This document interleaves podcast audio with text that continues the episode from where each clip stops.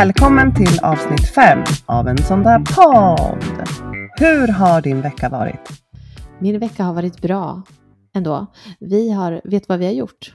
Nej, vad har ni gjort? Vi har varit på Ikea för första gången sedan pandemin. alltså, Oj! inne, alltså inne på Ikea. Inne på Ikea. Mm, det hade inte ändrats ett dugg. Du har alltså inte varit inne i varuhuset Ikea sedan pandemins start, eller? Det stämmer. Alltså vi har alltid köpt online och hämtat upp utanför. Jag har tyckt att det har varit så sjukt smidigt. Det är ju väldigt smidigt att slippa gå in. Sen kan jag tycka att det är mysigt att gå och kolla lite och sådär, men ja. Men det kanske är mysigare att gå tillsammans med dig i så fall för att jag får ju inte njuta av att gå där om jag går med min man vet du.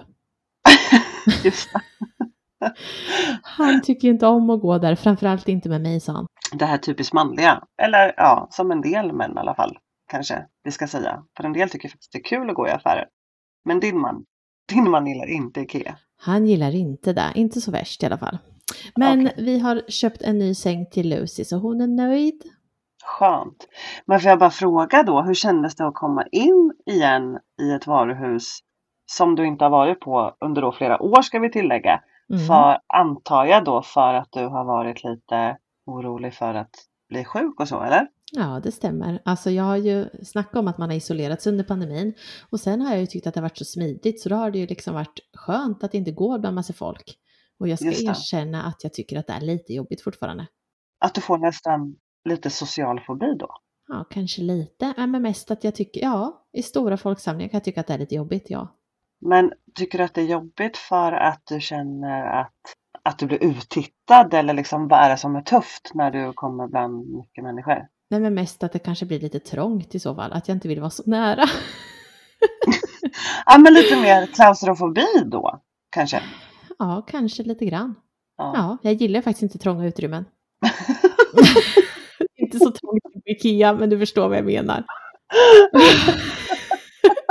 Ja, okej. Men Lucy har nu alltså fått en säng och du har övervunnit din sociala fobi lite grann då kan man ju säga. Mm, precis, det är vad vi har uppnått nu det senaste.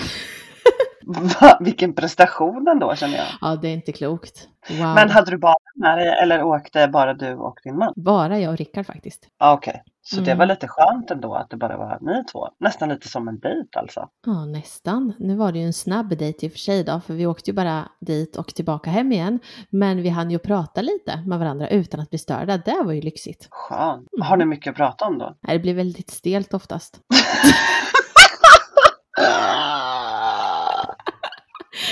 Nej, men du vet, man måste ju prata ikapp ibland där man inte har hunnit prata de senaste dagarna kanske. Det blir nästan som man lever i den här familjebubblan som man glömmer bort hur man är som, ja, som man och kvinna. Man har helt Mm. plötsligt ingenting att prata om, om det inte är barnen ni pratar om. Nej, precis. Nej, men vi pratar väl barnen såklart, om det är någonting vi behöver. Men sen pratar vi också om annat såklart. Så än Ja. tror jag inte vi har tappat varann. Skönt! Skönt ändå. Men är inte det ganska vanligt så här tror jag? Man lever så mycket i den här familjekonstellationen med barn och det är fritidsintressen och det är mat och det är städ och det är allt, allt som egentligen rör familjelivet och helt plötsligt så, ja vad ska vi prata om nu då? Vad händer nu? Tänk när alla barn är utflugna sen. Vad ska vi prata om? Åh oh, jösses, alltså jag kommer leva life då tror jag. Ja, just det, partypinglan. Ja, jag kanske kommer bli den här stå- stål, stålmormor som drar till Ayia Napa i ett par veckor eller något. Ja, det skulle inte förvåna mig. Du och Micke vet du. Unts, unts, unts, unts.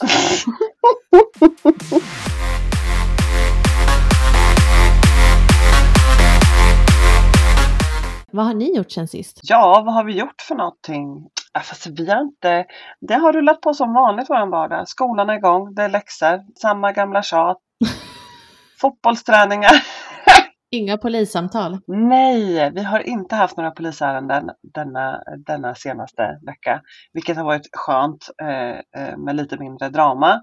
Däremot så har en rolig sak hänt i veckan. Vi har ju, eh, som du vet om, varit utan bil ganska länge för att den har gått sönder. Ja, precis. Ja, men nu äntligen så har vi då fått, det här har varit lite försäkringsärenden, men nu äntligen så har vi fått svar. Ah, det kommer gå på försäkringen. Det känns ju lite skönt faktiskt att vi nu kan släppa lite på den eh, tunga tanken eller vad man ska säga. Ja, precis. En sten som lossnade lite grann kanske. Ja men lite så. Det är ju en eh, ganska stor skillnad på att behöva lägga 50 000 på att laga en bil än att ja, men, behöva stå bara för en då självrisk som är betydligt mm, mindre. Verkligen. Gud vad skönt.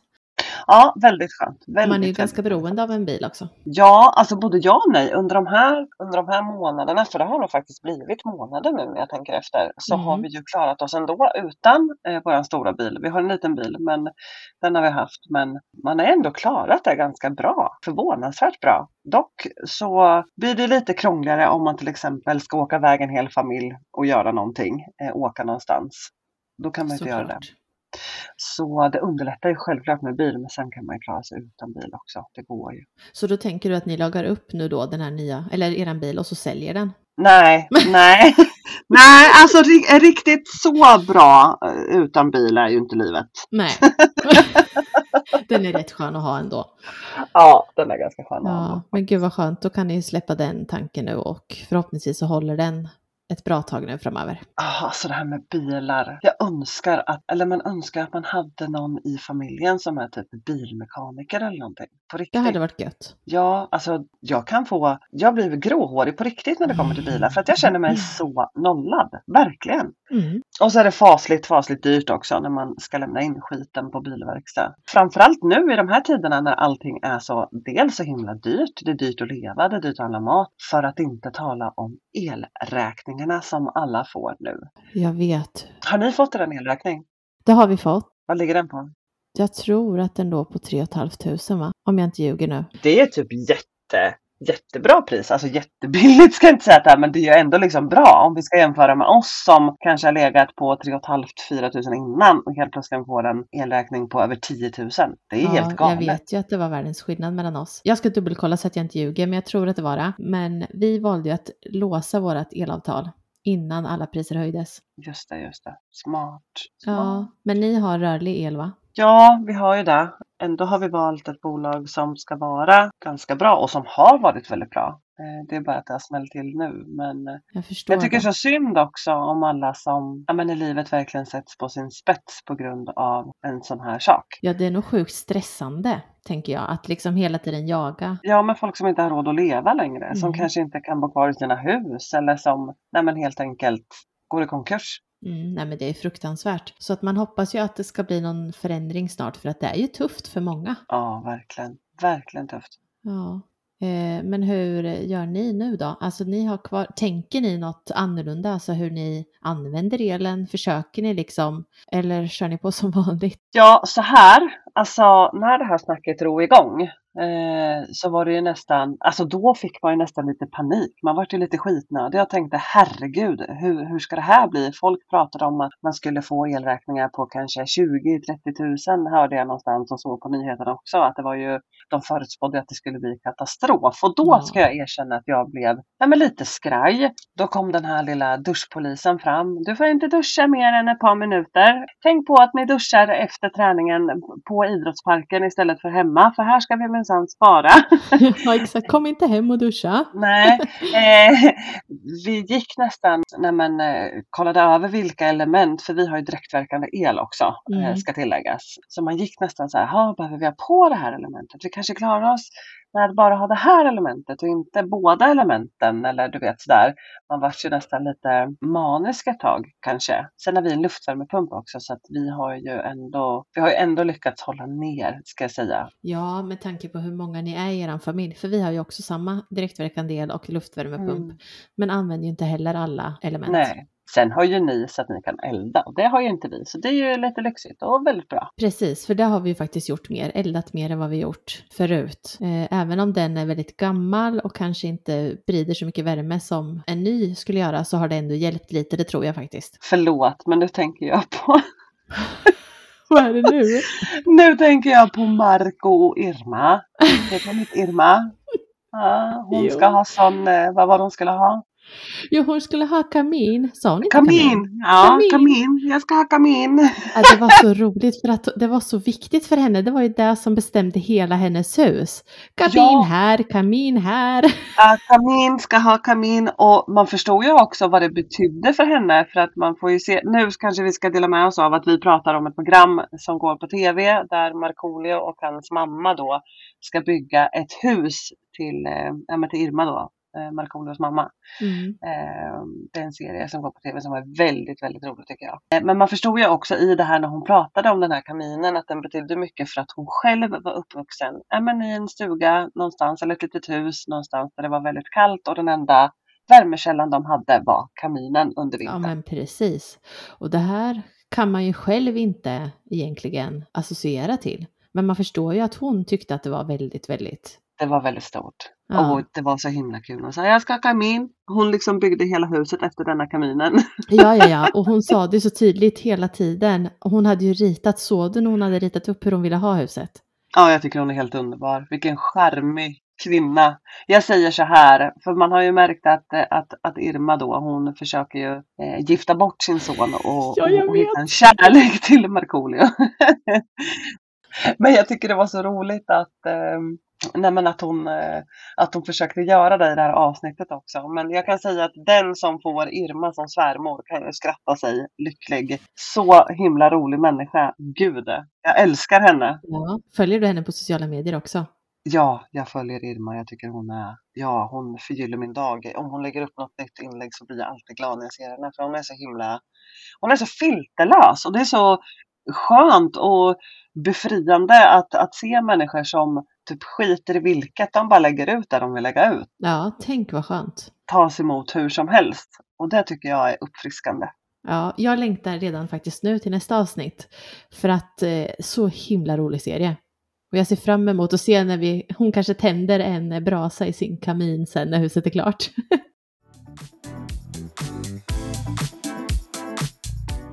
Jag har ju två grabbar som eh, fyller 13 i februari. Det är ganska snart. Så det betyder att jag har två tonåringar till här hemma. Och du har också en tonåring snart. ja, det, jag har ju en tonåring, hon blir ju 13 i juni då. Din första tonåring. Ditt äldsta barn. Gud hjälper mig. Hur känner du? Jag vet inte riktigt, alltså jag känner eh, mig lite lost kanske jag ska säga. Det här är ju som Mhm. sagt mitt första tonårsbarn. Alltså gud, jag förstår ju vad jag har framför mig nästan. Du har ju lite mer, ja, men du har ju lite mer koll på detta, du har ju gjort det här ett par gånger. Så jag tänker att du kommer bli den jag ringer. Mm. Din tonårsmentor. Mm, tack för det. jo men vad ska jag göra då? Jag vet ju inte hur man gör detta. Det här är ju som sagt första gången. Mm. Jag vet. Och tonåren kan ju vara väldigt tuffa. De kan också, alltså för en del så är de också väldigt, eh, väldigt lätta. Men det händer ju fruktansvärt mycket i, i kroppen på barnen när de blir tonåringar höll jag på att säga. Och man kan ju bara återgå till sig själv. Och det var där jag skulle komma till. När du själv var tonåring, hur var du som tonåring? Jag var nog ganska, och herregud vad kommer min mamma tänka nu? Eh, jag kan inte säga att jag var lugn, men jag var väl inte helt galen heller. Något lite mitt emellan. Självklart hade jag utbrott och tyckte väl att jag var den enda som skulle synas och höras och man är ju väldigt egoistisk under tonåren. Och det förstår man ju nu. Okej. Men kände du att du var tvungen att göra typ revolt? Nej, det skulle jag inte säga. Jag tror inte det. Jag måste diskutera detta med min mamma tror jag. Undrar vad hon kommer tänka när hon hör detta. Nej men alltså, nu ska inte du blanda in din mamma i det här. Nej, alltså det här är okej. ju hur du uppfattar dig själv som tonåring. Ja, men jag minns ju inte.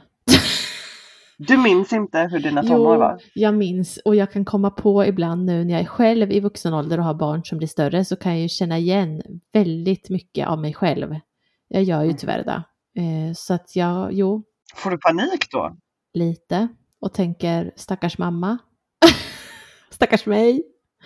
Men alltså jag ha- hade ju, jag hade ingen revolt att jag liksom på det sättet höll på med Nej. massa skumt. Men jag var ju väldigt arg kanske och tyckte väl saker och ting.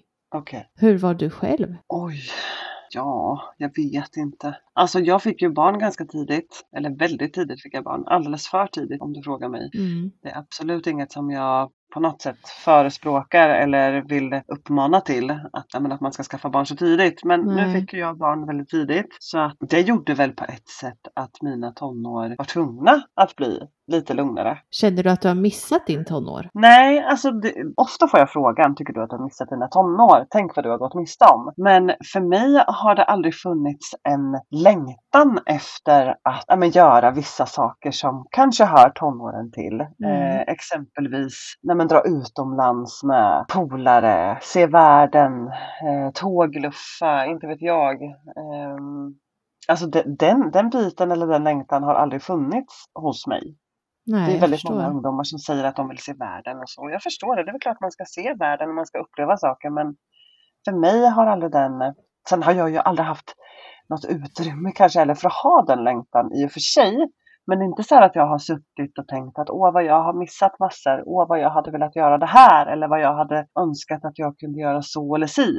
Nej, precis. Det vart ju bra ändå liksom. Ja, det var bra ändå. Absolut. Det var jättebra. Men ska man se till innan jag fick barn. Jag tror att jag, jag var nog egentligen ganska lugn. Mm. Men sen så hade jag ju också kompisar som kanske inte var så lugna. Jag var vän med väldigt många och väldigt många olika slags människor. Mm. Jag, hade ju, jag har ju alltid varit väldigt intresserad av idrotten och, och där hade jag ju några kompisar inom det, inom idrotten, inom sporten. Och sen så hade jag ju kompisar som kanske inte, som var raka motsatsen, som inte alls höll på med sport och tyckte det var superfånigt eller inte hade något intresse av det. Nej, men precis. Och de, de kanske la tiden på, på andra saker.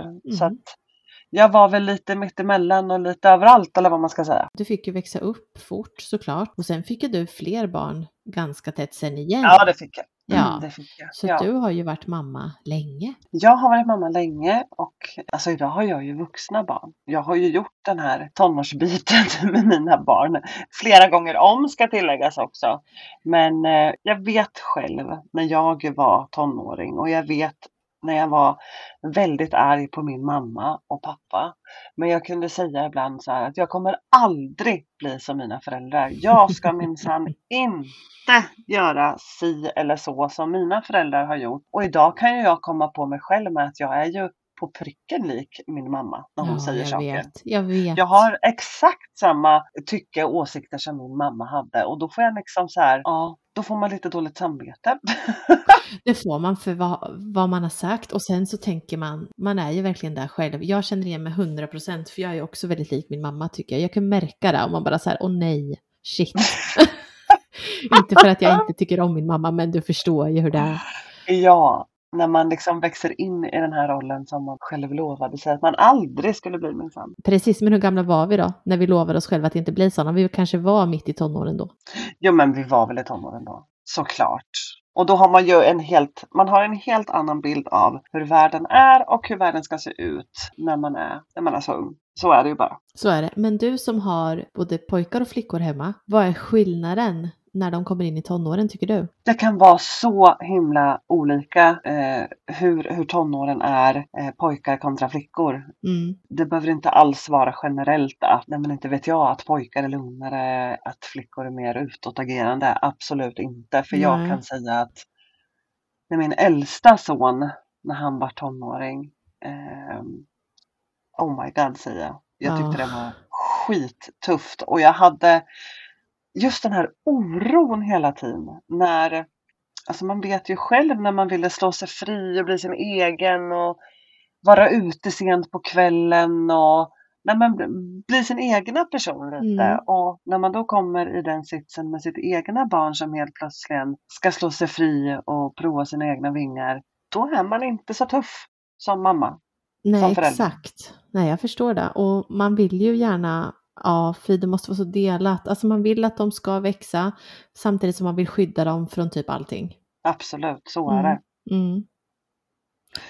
Men eh, ja, nej, som sagt, mitt, eh, mitt, äldsta, mitt äldsta älskade barn ska jag säga, för jag älskar honom mer än någonting annat på den jorden. Vi, vi har haft våra duster kan man säga. Vi har gått igenom väldigt mycket olika stadier i tonårstiden. Gud ja, det vet jag att ni har. För jag var ju faktiskt med på ett hörn. Ibland. När du ringde och var lite uppgiven. Men det vart ju ordning på honom ändå tänkte jag säga. Ja, men du har ju hört lite av, eh, av våra utbrott så att säga Mm. ibland. Det har jag Mm. gjort. Och jag menar så är det ju. Alltså så är det väl för alla mer eller mindre. Ja, herregud ja. Någon, någon gång så är det väl så och det är väl bara köpa läget. Sen kan jag tycka att om man ska jämföra med när en annan var tonåring så har det ju hänt så himla mycket i samhället idag. Eh, det finns så mycket skit tillgängligt idag som kanske inte fanns då. Det är Ja, mera herregud. droger, det är eh, gängkriminalitet på en helt annan nivå. Ja, och det känns så lättillgängligt. Ja, Mm, det känns så allting. fruktansvärt lättillgängligt. Så är det. Så att man, det är inte lustigt att man kanske är en så kallad hönsmamma. Alltså jag säger så här, hell, hellre vara en hönsmamma. Sen måste du ju, alltså låser du in ditt barn, tvärvägrar att låta dem göra någonting. Då Mm. tror jag att du skjuter dig lite själv i foten. För att barnet kommer på ett eller annat sätt i alla fall försöka slå sig fri. Ja, såklart. Man får väl sänka sig själv till den nivån, försöka komma ihåg att man själv har varit där och Mm. varit tonåring. Och försöka Precis. bygga, bygga en god relation. Barnet ska alltid kunna känna att det kan komma och prata vad det än handlar om. Sätter Mm. du upp för tuffa regler och för hårda regler och bara säger tvärnej till allt så tror jag att det kan bli tufft för barnet också att känna att det faktiskt kan öppna upp sig och berätta om saker. Ja, precis, för då vågar de ju inte det. Nej.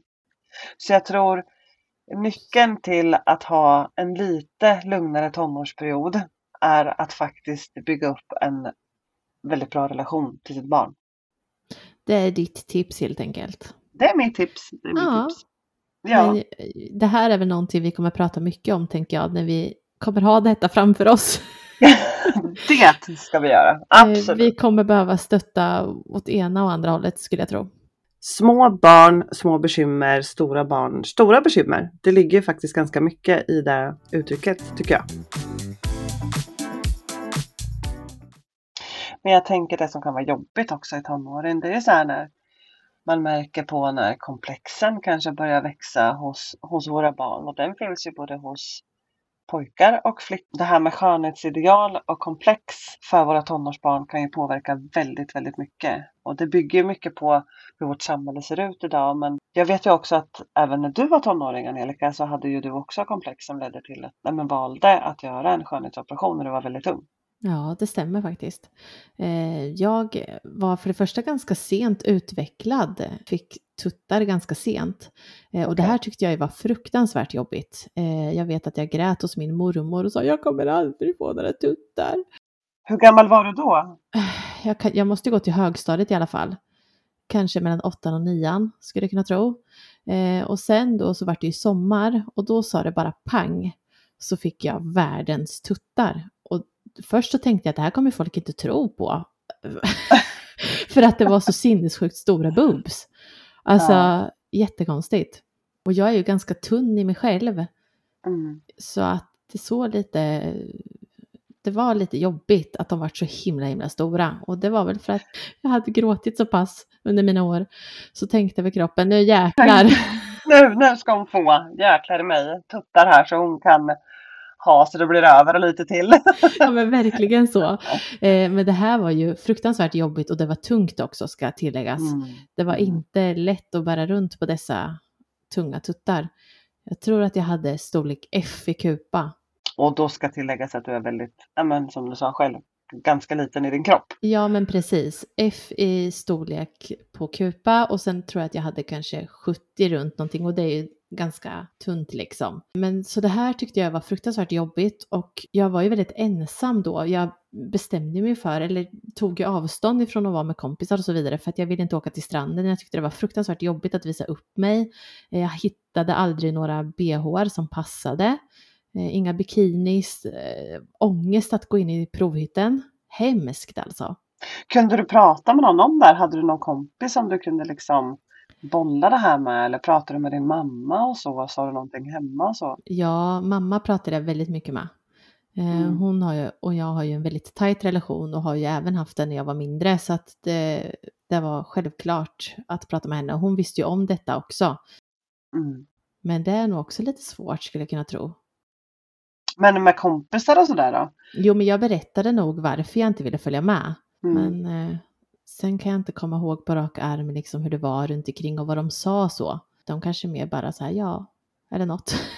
Jag var Mm. nog ganska bestämd där att jag vill inte följa med, punkt slut. Jag tänker inte Ja, okej. ligga på stranden. Nej. Eh, Jag tyckte det var fruktansvärt jobbigt. Så det här ledde ju till att jag faktiskt sökte hjälp via vården. Var det mest för att du mådde psykiskt dåligt eller för att jag kan tänka mig att det måste varit väldigt, väldigt tungt också. Alltså för din rygg, att du kanske fick ont i ryggen eller att det var att man fick en obekväm ställning liksom. Ja, men det var ju tungt så att det, jag hade ju ont i både nacke och axlar. Plus Ja. att jag hade psyket. Så att för mig var det liksom så här, jag måste få hjälp med detta för att jag, jag vill inte ha det så här. Mm. Så då fick jag gå till vårdcentralen och få hjälp där, träffa läkare. Sen fick jag ju faktiskt en betald operation ifrån landstinget.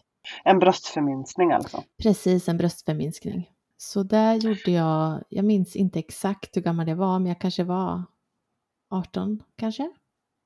Hur kändes det då, när du hade fått göra din bröstförminskning? Kommer du ihåg hur, hur, hur känslan var efteråt när du hade gjort det?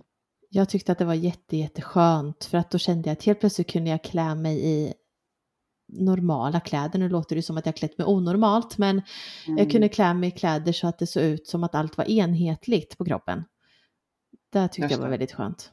Ja, och sådana här saker kan ju vara tuffa med. Jag menar, dels att det finns något slags kroppsideal, hur man förväntas ska se ut eller hur Mm. man vill se ut. Jag menar, men i det här fallet så kanske det inte bara var för att du hade en bild av hur en kropp ska se ut utan för att du faktiskt när man kände dig väldigt obekväm och mådde dåligt, både fysiskt och psykiskt. Ja, exakt. Ja, för det är inte så att jag tycker inte att det är fult med stora bröst. Alltså så, så att jag tänker så. Men du kände dig obekväm. Jag känner mig fruktansvärt obekväm. Mm. Så att för mig var det jätteskönt att göra den här operationen och jag kände att, eh, ja, men att man fick tillbaka livet lite faktiskt. Jag minns himla väl att jag gick till affären och kunde köpa en normal bh i normal storlek och kände att gud vad skönt. Det måste varit en enorm befrielse för dig. Verkligen. Så det, Mm. det är ingenting jag ångrar att jag gjort. Eh, absolut inte. Men sen har ju det här gjort att jag då inte har kunnat amma mina barn. Eh, tillräckligt så. Jag Mm. testade med mitt första barn Mm. eh, och amma henne men det funkade inte riktigt. Och då, då gav jag väl upp sen. Jag förstod att det inte funkade och vi gav Mm. tillägg och hon vart nöjd liksom. Men det är väl Just en sån grej som jag... Ja, jag valde ju bort den då. Men eh, det var ju ett lättare val då än kanske nu när man har fått barn. Förstår du hur jag Jag tänker? förstår det. Jag förstår det. Men jag tänker att det var ju ändå någonting som du mådde dåligt över och som du hade väldigt mycket komplex Mm. över under tonårstiden. Eh, och något som slutade med att, som du själv sa, att du kände att du fick ditt liv tillbaka. Ja, men precis, absolut. Det gjorde jag verkligen. Så det var väldigt, väldigt skönt. Om jag skulle se tillbaka nu på tonårstiden nu så skulle jag i alla fall inte göra någonting annorlunda. Snabba frågor. Ja, då var det dags Angelica. Jag ska köra lite frågor. Är du nervös? Så in i den. Okej, vi kör. Fråga nummer ett. Vad tycker du om Onlyfans? Ja, alltså jag visste ju inte vad detta var för så länge sedan. jag har ju nyss vetat vad det här är för någonting. Okej. Ja, jag var ju tvungen att fråga dig vad detta var för hemsida. Eh, Eftersom att jag har så lite koll. Eh, Och det är väl en sida som jag inte skulle vilja använda kanske.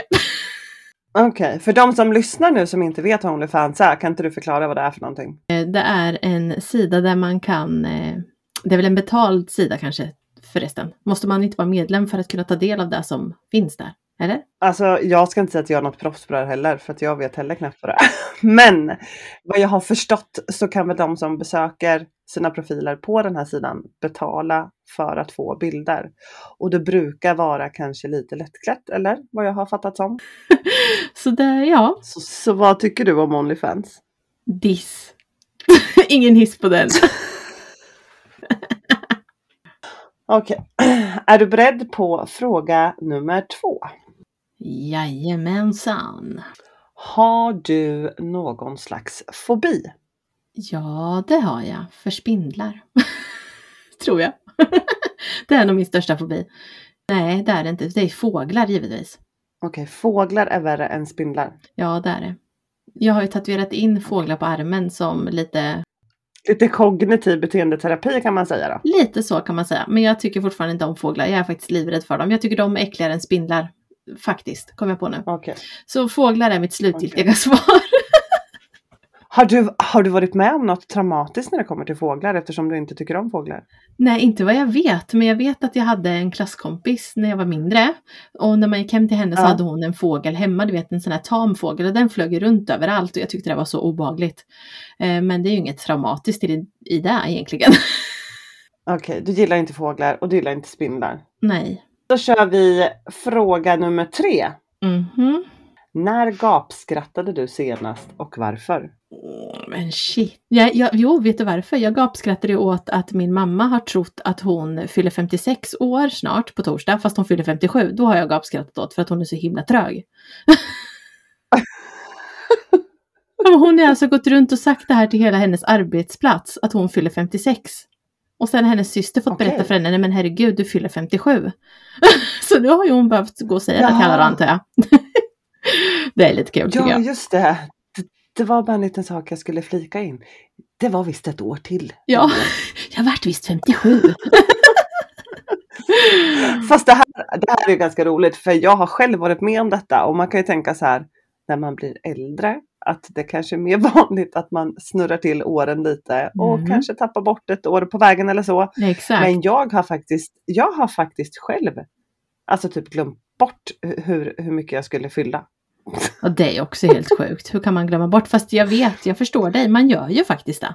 Ja, och det här handlade om att jag och min mamma stod, eh, så här var det, vi stod i varsin eh, provhytt och provade kläder. Mm. Eh, och vi hade liksom ja, med provhyttarna bredvid varandra. Och det var fullt med folk, det här är ju flera år sedan nu. Eh, och så stod vi så började vi prata med varandra genom själva den här väggen. Och så säger min mamma så här, ja du fyller ju år om ett par veckor va? Ja just det, det gör jag ju. Eh, ja, hur gammal är du, du blir nu igen? Är du 24 eller är du 25? Och jag vart osäker och kände bara, nej men jag vet inte, kan det vara 23? Du vet, så här. Jag vart 25. osäker. Och så säger min mamma så här, men du, vilket år är det du född nu? Det är väl 82 va? För det vet jag, 82 är du född. Hur gammal blir du då? Och du kan ju tänka alla som hörde den här diskussionen som också stod i den här butiken. Man hörde ju lite lätt sen att folk fnissade runt omkring Ja, det oss. förstår Men, jag. ja. Ingen har koll. Nej, det var lite snurrigt. Ja, verkligen. Så roligt. Men det är detta med ålder och siffror. Ja. Sådär. Men kul för din mamma då, att hon varit ett år till. Vart hon lite ledsen över den hennes syrra sa det då eller? Det tror jag att hon blev. Jag tror att hon tyckte det var jättejobbigt, det verkade så i alla fall. Men eh, så får det vara. Okej, fråga nummer fyra. Är du beredd? Ja, tydligen. Jag är så nervös. Har du fantiserat om att slå din chef på käften? Nej! Vad är det för fråga? Nej, det har jag inte. Jag har en jättesnäll chef. Alternativt då, i och för sig, men kanske när Rickard, när vi drev företag tillsammans, då kanske jag ville slå honom om nu vi kan räkna som att han var min chef. Då kanske jag hade velat det. Okej. Men annars idag så har jag en jättesnäll chef som jag inte vill slå på käften. Ja, men det väl skönt då. Och vart har du Jätteskönt. jobbat då nu igen? Jag jobbar ju på Neo, där har vi bra chefer. Det där kan ju vara lite, mm, det där hör man ju mycket om faktiskt. Att Ja. folk är missnöjda med vart de jobbar och vad de har för, nej men kanske arbetssituation, chef eller sådär. Mm, gud, Jag ja. tycker inte det är jätteovanligt att man hör om folk som faktiskt inte trivs på sitt arbete. Och faktiskt också vill slå sin chef på käften. Ja, exakt. Usch, vad det är för chefer egentligen? Herrejösses. Byt jobb, byt jobb! Okej, nu kommer fråga fem. Ja. Och jag har faktiskt, jag har faktiskt, jag hade en annan fråga först. Mm. Men sen kom jag att tänka på det här att det var lite kul för jag själv var lite nyfiken. Så att jag har bytt fråga nu. Så den andra frågan sparar jag till nästa gång. Okej. Men jag blir så nervös. Alltså jag mår, jag mår psykiskt dåligt av det här. Fråga nummer fem. Mm. Vem är ditt frikort? Fy fan vad sjukt. Det här är så sjukt. Jag måste bara säga det här innan, för den här har jag ju redan skrivit upp att jag skulle ställa till dig nästa gång. Det var Rickard som sa, den skulle du ha. Eh, så det var ju roligt att du tog den istället då, utan att vi är talking to each other. Det tyckte jag var kul. Ja, kör nu, kör nu. Ja, men jag tror, har inte jag sagt det här till dig? Jag vet inte. Ja, Mitt frikort är Joel Kinnaman. Nej men sluta! Nu, förlåt, nu måste jag googla lite här. Ja, googla lite Joel Kinnaman och så måste du skriva Johan Falk också. Eller så är det kanske hans, det kanske är hans karaktär där i som är mitt frikort egentligen. Det får vi låta vara men- osagt. Men alltså jag, jag hittar en bild nu här och jag, jag vet inte. Alltså jag gör så att jag tar en printscreen på den här och sen så, och så skickar jag den här till dig nu. Mm. Inget ont om dig nu Joel. Jag tror inte du kommer lyssna på det här poddavsnittet i alla fall. Men snälla. Ja, men den där, jo men han är lite söt. Men det var inte den snyggaste bilden du har hittat. Ja, det var den första som kom upp. Nej men jag tycker ändå, vet du. Jag kan ju inte byta frikort, eller så gör jag det. Det kanske är dags då.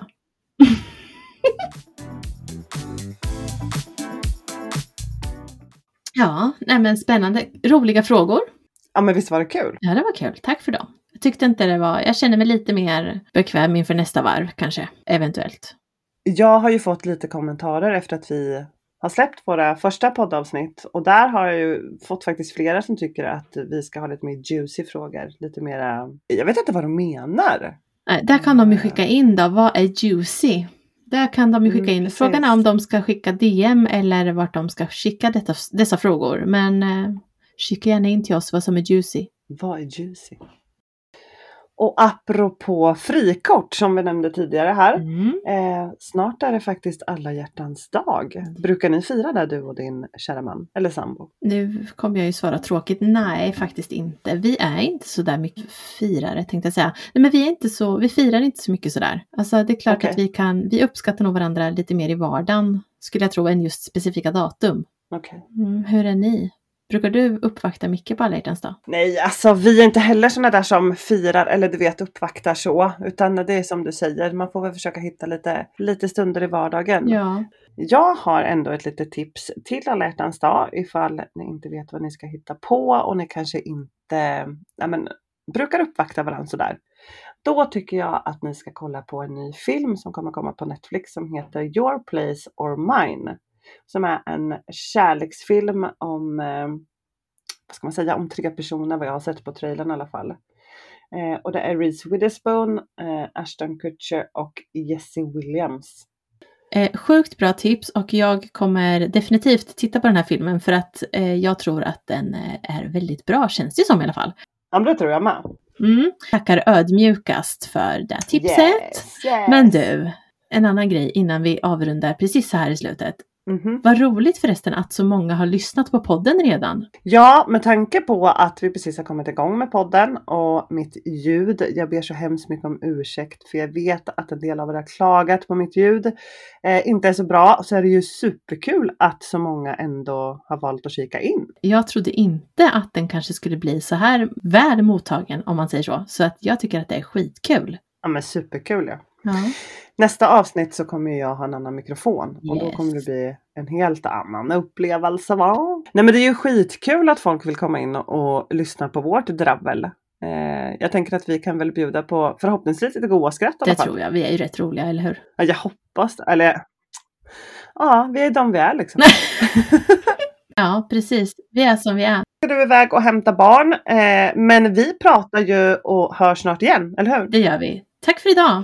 Och nästa gång så har jag en liten överraskning till dig. Har du? Åh gud vad spännande! Vi tar det då.